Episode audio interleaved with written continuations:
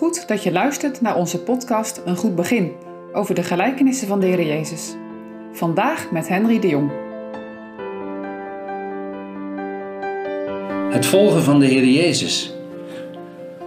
Vandaag lezen we verder in het Evangelie van Lucas, hoofdstuk 14, daarvan het 25ste tot 27ste vers en dan ook nog vers 33.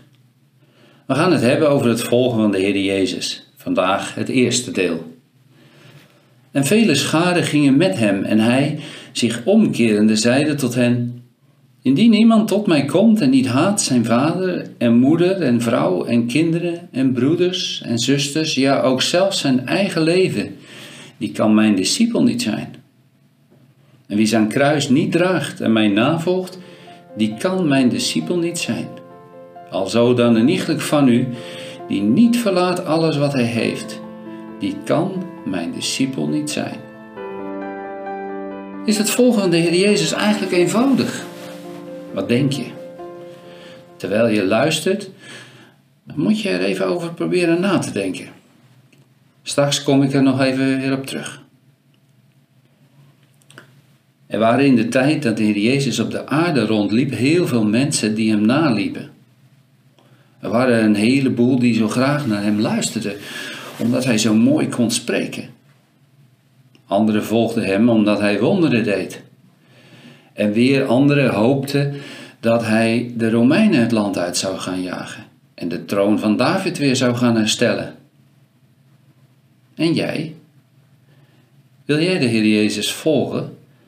En waarom wil je Hem volgen?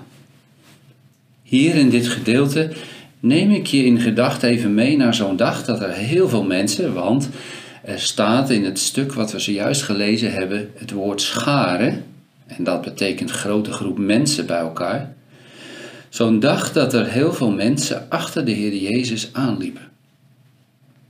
De Heer had net gegeten in een huis en daar de gelijkenis van de koninklijke bruiloft verteld. En verlaat dan weer het huis waar hij was en de scharen volgden hem.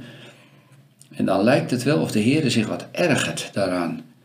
En hij draait zich om en spreekt dan, als je het zo leest of hoort, wel hele scherpe woorden. Jullie willen mij volgen? Nou, dan moet je je vader en je moeder, en als je getrouwd bent, je vrouw en je broers en zussen haten. Ja, je moet ook jezelf haten. En als je dat niet doet, dan kun je mijn discipel, mijn volgeling niet zijn. Wat denk je? Mensen zullen wel geschrokken zijn. Wat zegt de Heer Jezus nu? Ah, dat kan toch ook helemaal niet? Want in het vijfde gebod van de tien geboden staat toch dat je je vader en je moeder juist moet eren?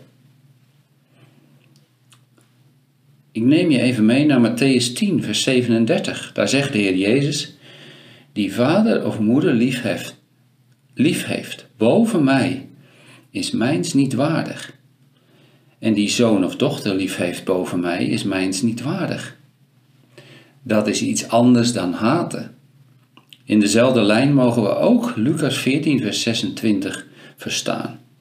Het woord haten betekent niet een hekel hebben aan of een afschuw hebben van iemand. Het betekent iets of iemand op de tweede plaats stellen. De familieband in Israël was heel hecht. Die gaf je niet zomaar op. Toch zijn er wel voorbeelden van. Denk aan Abraham, die door de Heere geroepen werd zijn land, zijn familie en ook zijn vaders huis te verlaten. Hij luistert naar het spreken van God om te gaan naar het land dat hij hem zou wijzen. Je familie, ouders, kinderen, broers, zusters en wie dan ook mogen je niet verhinderen om de Heer Jezus te volgen. Nee, Jezus roept hier niet op om de band met je ouders, je broers en zussen, je vrienden door te snijden, maar als het om de keuze voor Hem gaat, dan moet alles daarvoor wijken. Dan heeft dat prioriteit. De Heer Jezus volgen en dienen kan helaas weerstand bij je naaste, je, je vrienden of in je familie oproepen. Maar daar mag je je niet van laten weerhouden. Er zijn landen in de wereld waar de keuze om de Heer te volgen in je, je leven kan kosten. Of je in een gevangenis of in een kamp brengt. En we weten dat er mensen zijn die uit liefde dat accepteren. Als je weet dat dat kan gebeuren, dan moet je je ook daar niet door laten weerhouden. Dan moet je je eigen leven haten, dus prijsgeven om Christus wil, uit liefde tot Hem. In Lucas 14, vers 27 zegt Jezus ook: En wie zijn kruis niet draagt en mij navolgt, die kan mijn discipel niet zijn. Je kruis achter Jezus aandragen betekent niet dat je allerlei problemen en zorgen elke dag met je meedraagt. Al kan dat wel zo zijn. Maar de Heer Jezus bedoelt hiermee de smaad van het evangelie te dragen.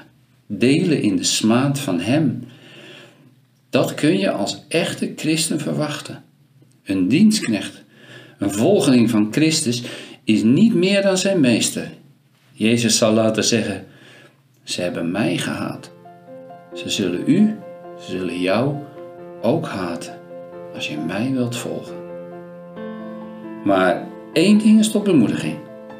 Hij heeft de eindoverwinning. Hij schenkt het eeuwige leven weg. En alle die hem volgen in liefde en gehoorzaamheid zullen daarin delen. Volg jij hem al?